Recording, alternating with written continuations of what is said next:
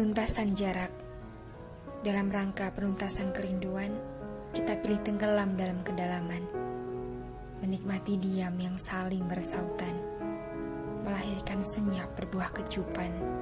Juga ragam percakapan lewat ingatan.